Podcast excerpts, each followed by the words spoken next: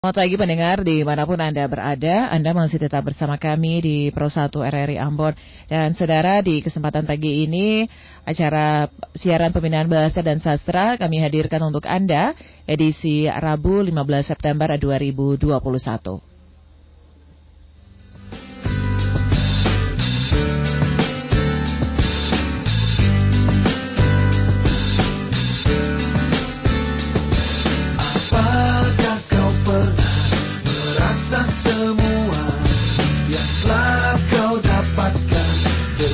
memang percuma dan seakan semuanya menghilang sia-sia.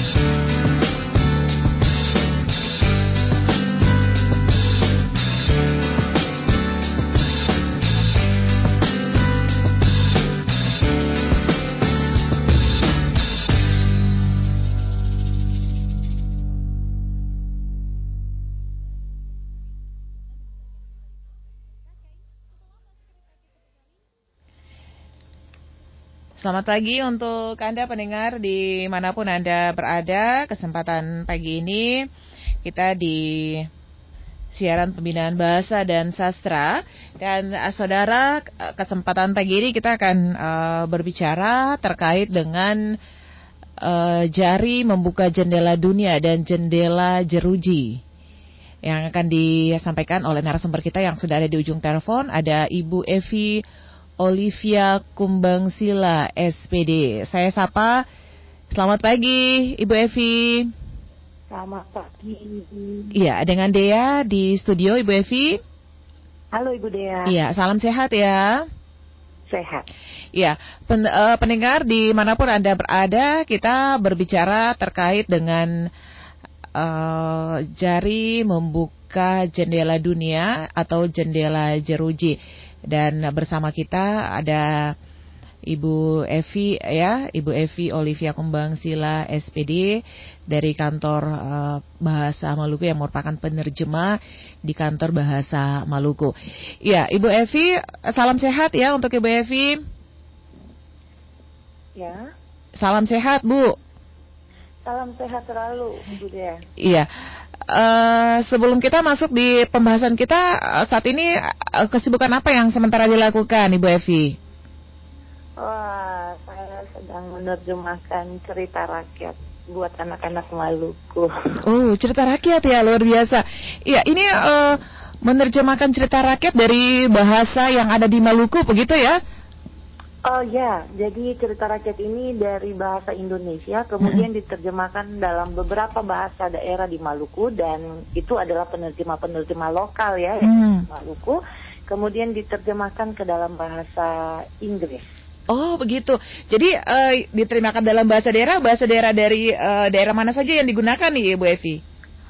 Ada dari bahasa Alune, hmm. ada dari bahasa uh, Wemale bahasa Banda Eli, hmm. bahasa Melayu Ambon, wow. bahasa uh, Buru. Bahasa Kei tidak ada ya? Uh, ya. Bahasa Kei. Ya, bahasa Kei juga hmm. banyak banyak. Oh, gitu. Ada kurang lebih 21 21 hmm. bahasa. Iya. Ibu Evi biasa kalau dari semua bahasa yang digunakan bahasa daerah, bahasa dari daerah mana yang tingkat kesulitannya cukup tinggi, Ibu Evi?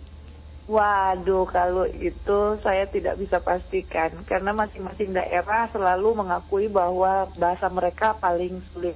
Oh gitu. Uh, contohnya ketika saya ke mm -hmm. Saumlaki, mm -hmm. uh, orang Saumlaki akan yeah. bilang bahwa bahasa Fordata itu sulit. Ada juga mm -hmm. ada yang bilang bahasa uh, Selaru itu sulit, bahasa oh. Makatian sulit. Ya semua mengaku bahasa mereka sulit. Sulit.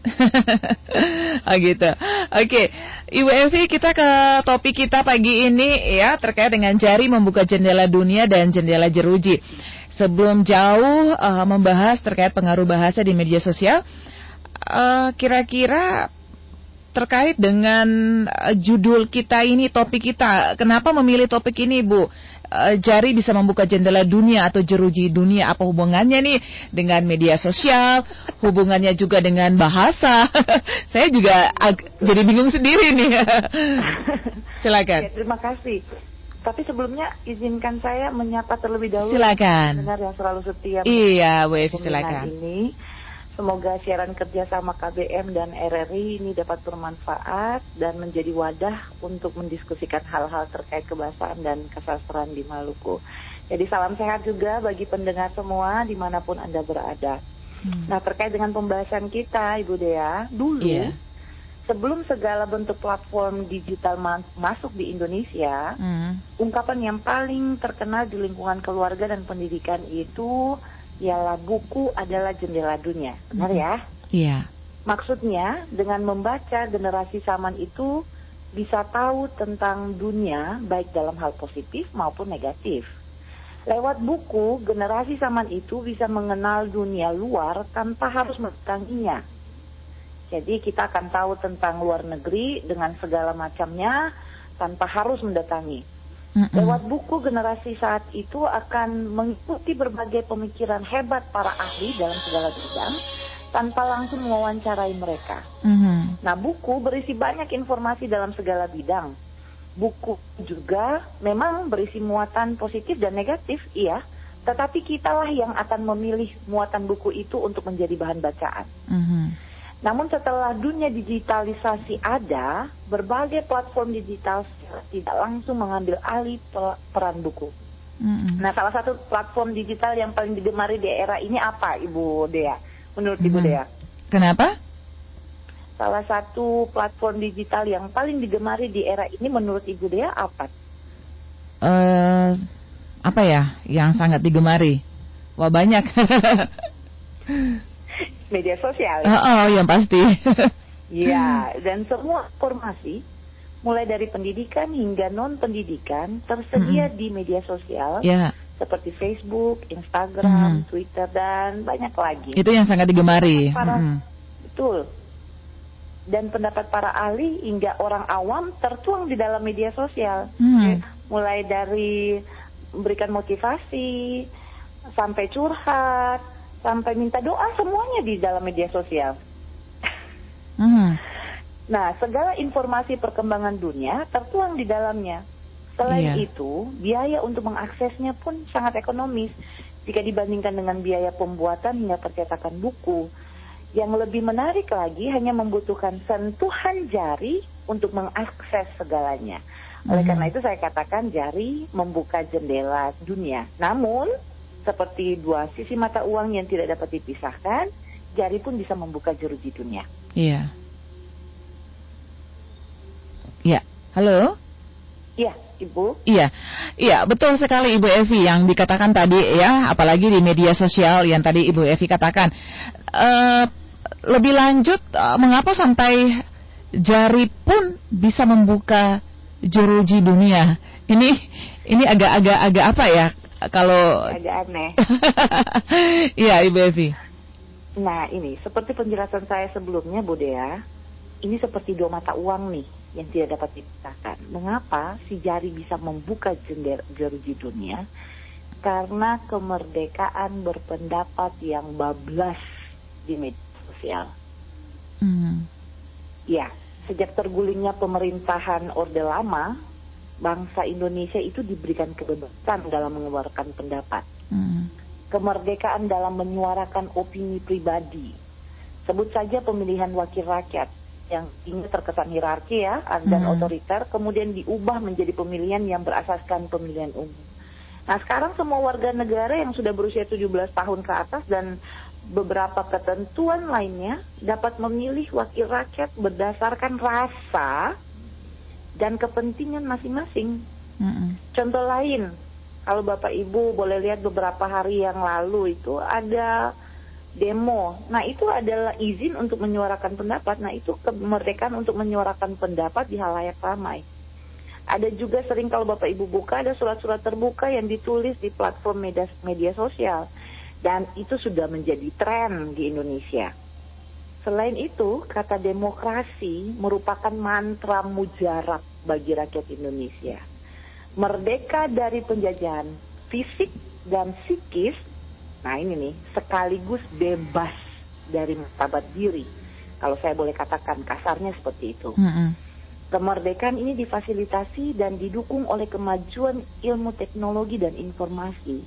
Sayangnya, kemerdekaan berpendapat sering bablas di media sosial. Misalnya, pelanggaran Undang-Undang ITE terkait pencemaran nama baik, penghinaan, serta penyebaran berita bohong lebih banyak terjadi. Dan itu di platform-platform daring, seperti media sosial. Pornografi dan porno aksi pun demikian, dan masih banyak lagi. Mhm. Iya, mm -hmm. itu uh, berarti yang Ibu jelaskan tadi ya. Lalu bagaimana dengan uh, teknologi? Apakah teknologi Indonesia ini uh, merupakan faktor penyebab bablasnya kemerdekaan berpendapat di media sosial?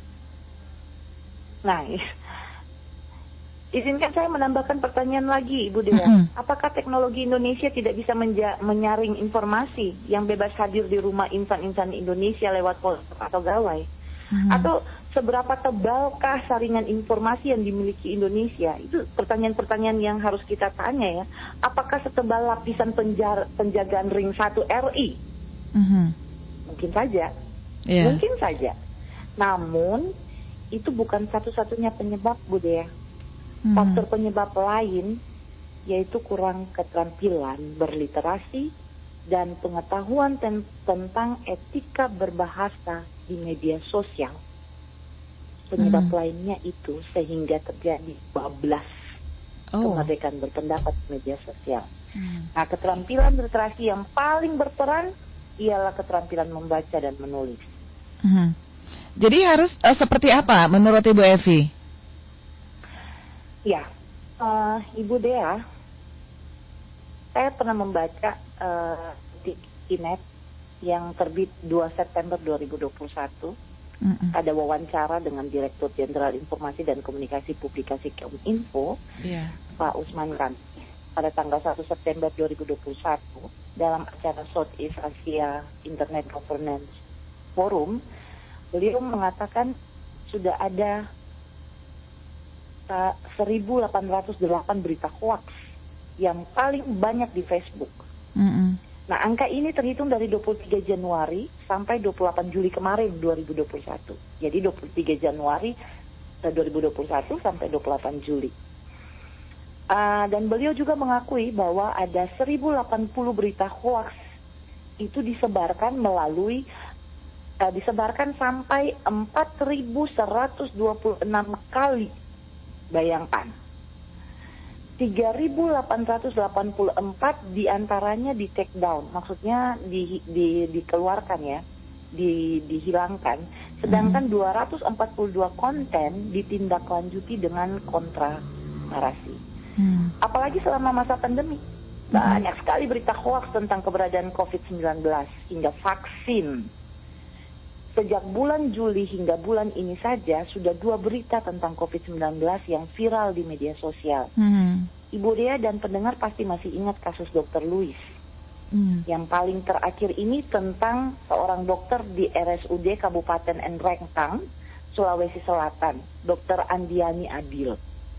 Para pendengar yang sering sekali ada di media sosial akan tahu betul cerita ini. Nah pernyataan Dr. Louis dan Dr. Andiani Adil menjadi viral. Mengapa? Karena apa? Karena si jari yang tidak tahan menunggu hasil akhir dari narasi yang dibangun oleh kedua dokter tersebut. Mm -hmm. Kita pengguna media sosial sangat sering menerus, meneruskan berita, setiap berita yang kita dapat dari orang lain ke platform media sosial lain seperti mm -hmm. Facebook, Twitter, Instagram, bahkan WhatsApp grup tanpa konfirmasi kebenaran itu. Hmm. Lebih parah lagi, kita bahkan menambahkan beberapa pernyataan yeah. yang menguatkan atau melemahkan berita yang kita -hmm. terima sehingga terjadi saling komen di kolom komentar atau di dalam grup WhatsApp. Oh. Yang sesungguhnya kebenaran berita itu tidak kita tahu sama sekali, iya kan? -hmm. Karena kita bukan orang yang ahli di bidang itu. Yeah kita hanya orang awam yang membuat asumsi-asumsi yang memengaruhi pertimbangan rasional pengguna media sosial lainnya. Mm -mm.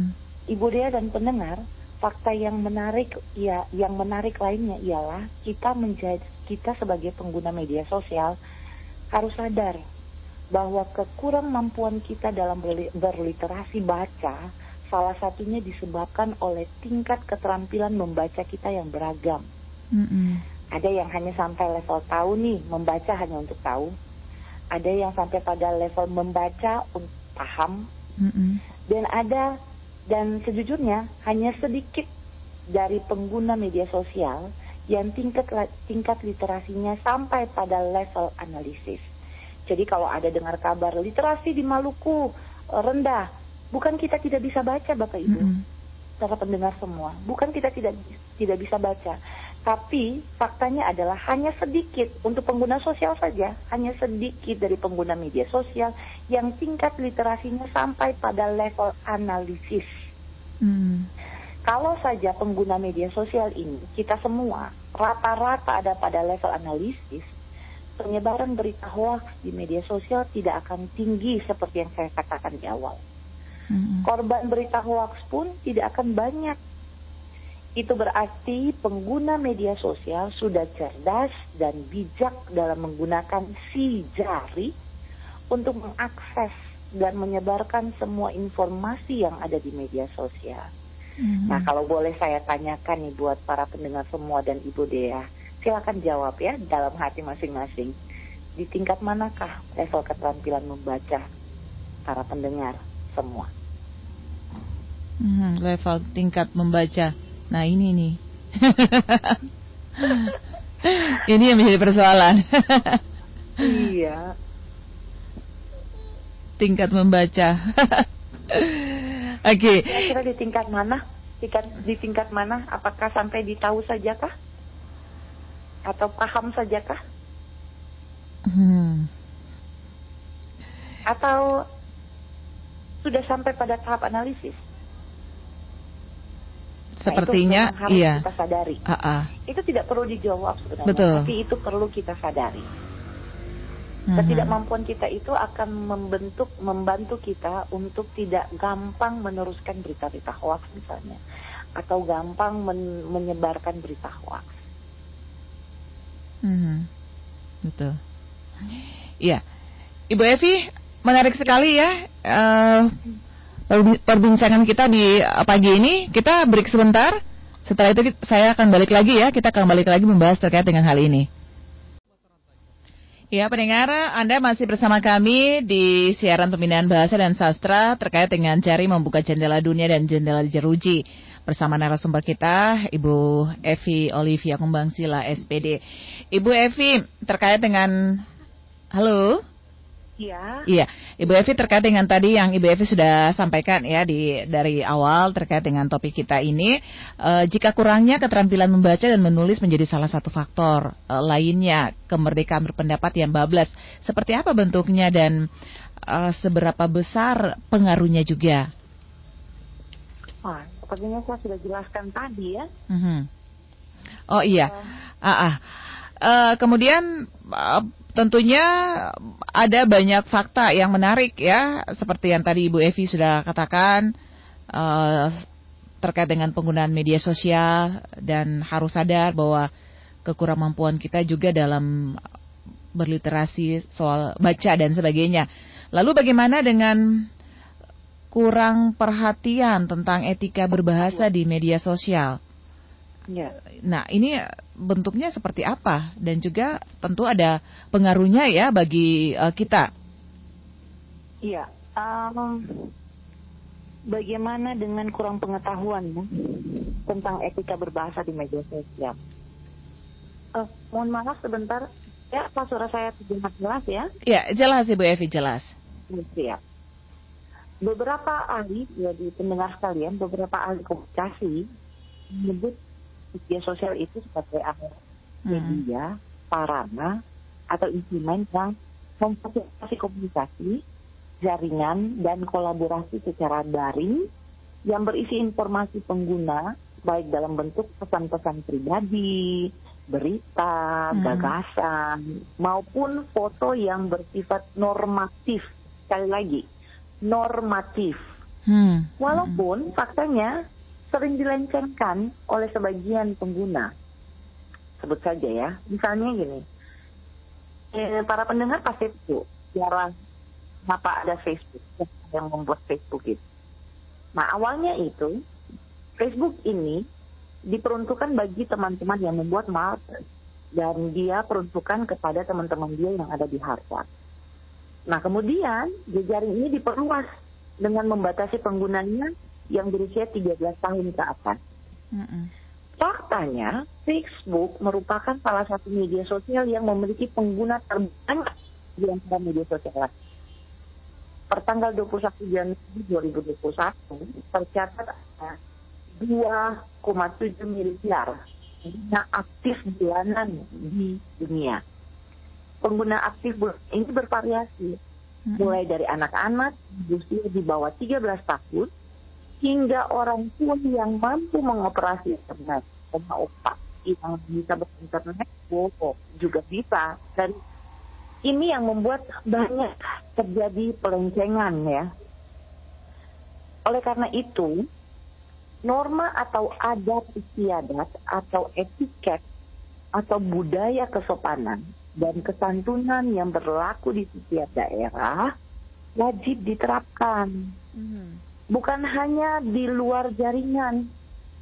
Maksudnya luar jaringan itu luring ya ketika kita bertemu bertatap muka.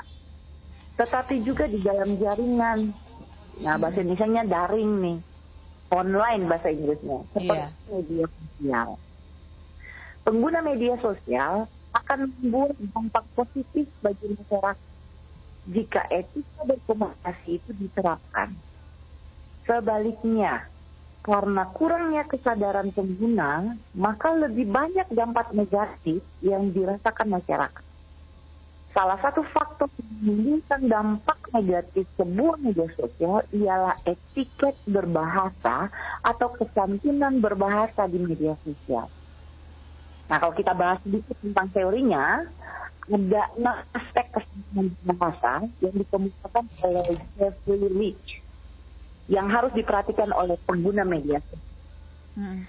Kesantunan dalam berbahasa ini yang dikenal dengan namanya politeness maxim atau maxim uh, kesopanan. Enam, enam aspek kesantunan berbahasa itu antara lain maksim kebijaksanaan, maksim penerimaan, maksim kemurahan, yeah. maksim kerendahan hati, maksim kecocokan, dan maksim kesimpatian. Hmm. Keenam aspek ini, maksim ini mengarahkan pengguna media sosial untuk memaksimalkan keuntungan pengguna lain dalam tuturan yang diakumulasikan dalam isi media sosial. Nah, adakah pendengar yang mengutamakan keuntungan pengguna lain di media sosial?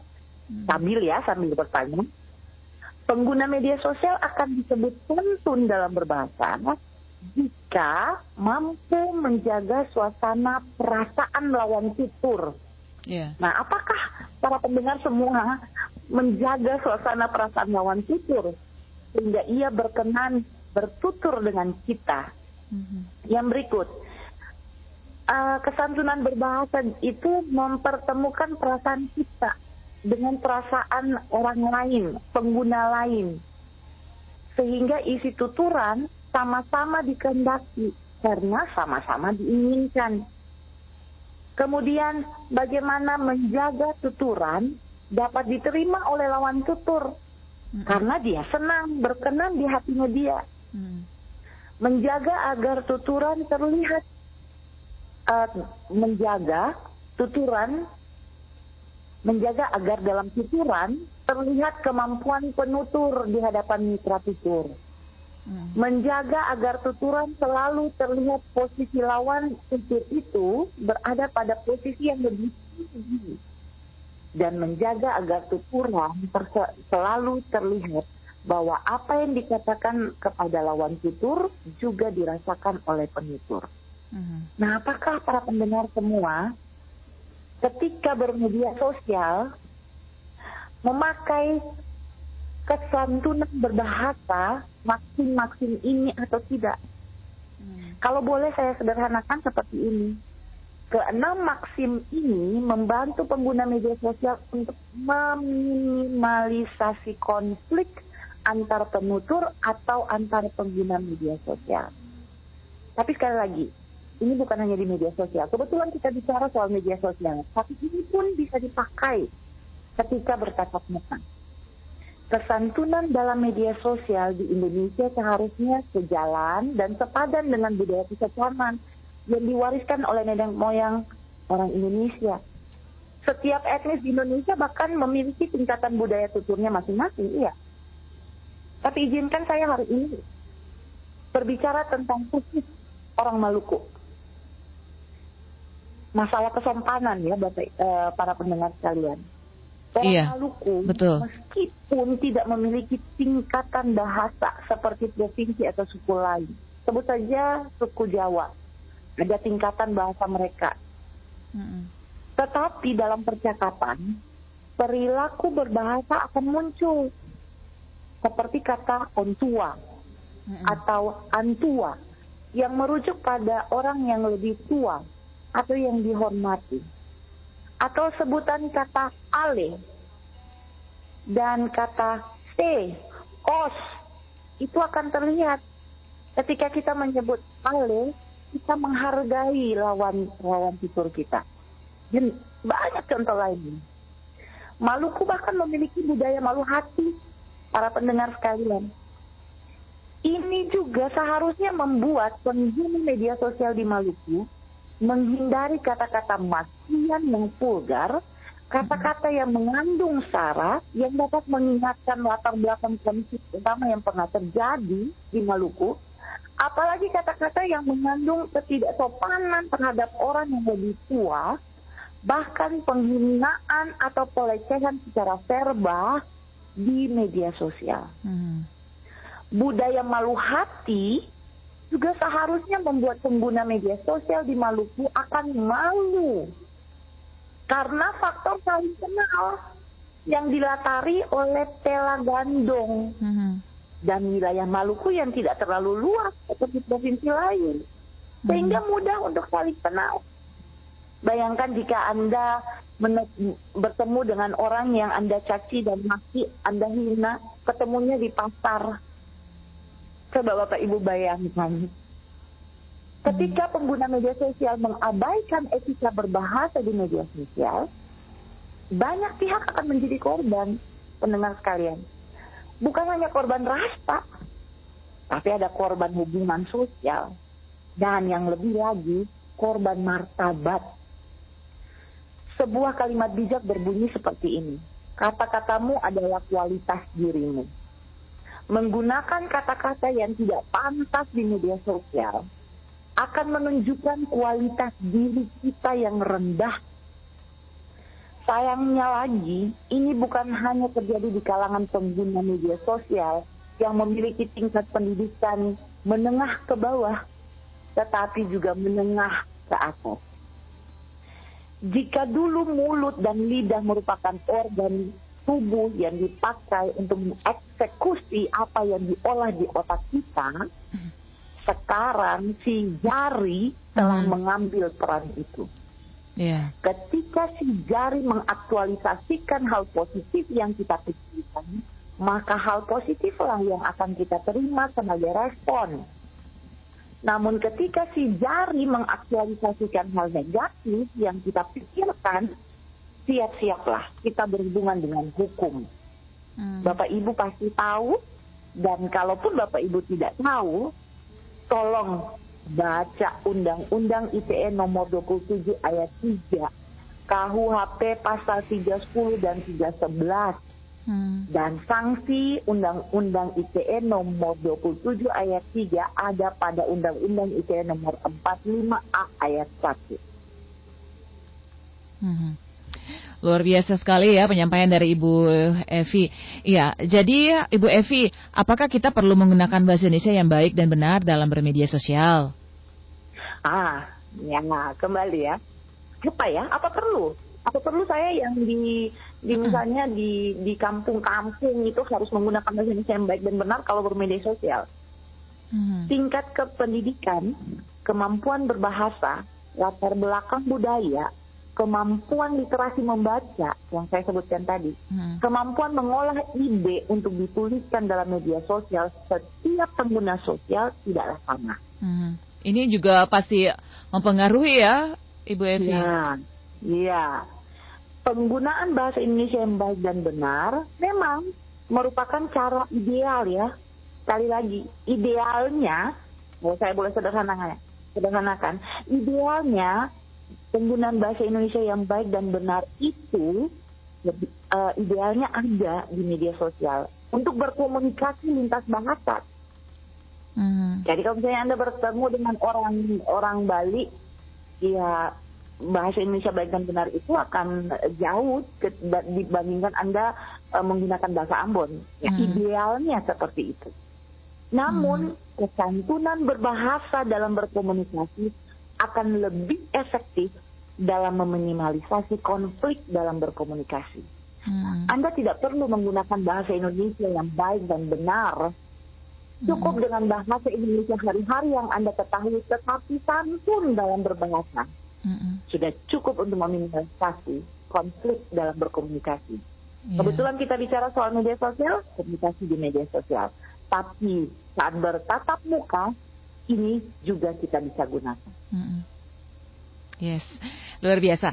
Ya, um, pendengar kita uh, sudah bicara banyak ya. Tadi Ibu Evi sudah bicara banyak, menjelaskan panjang lebar uh, tentang peran si jari saat kita bermedia sosial dan dari apa yang disampaikan oleh Ibu Evi terkait juga waktu kita sudah di ujung ya uh, Bu Evi kesimpulan dari apa yang disampaikan oleh Ibu Evi terkait dengan topik kita yaitu jari membuka jendela dunia dan jendela jeruji untuk pendengar kita di siang ini silakan.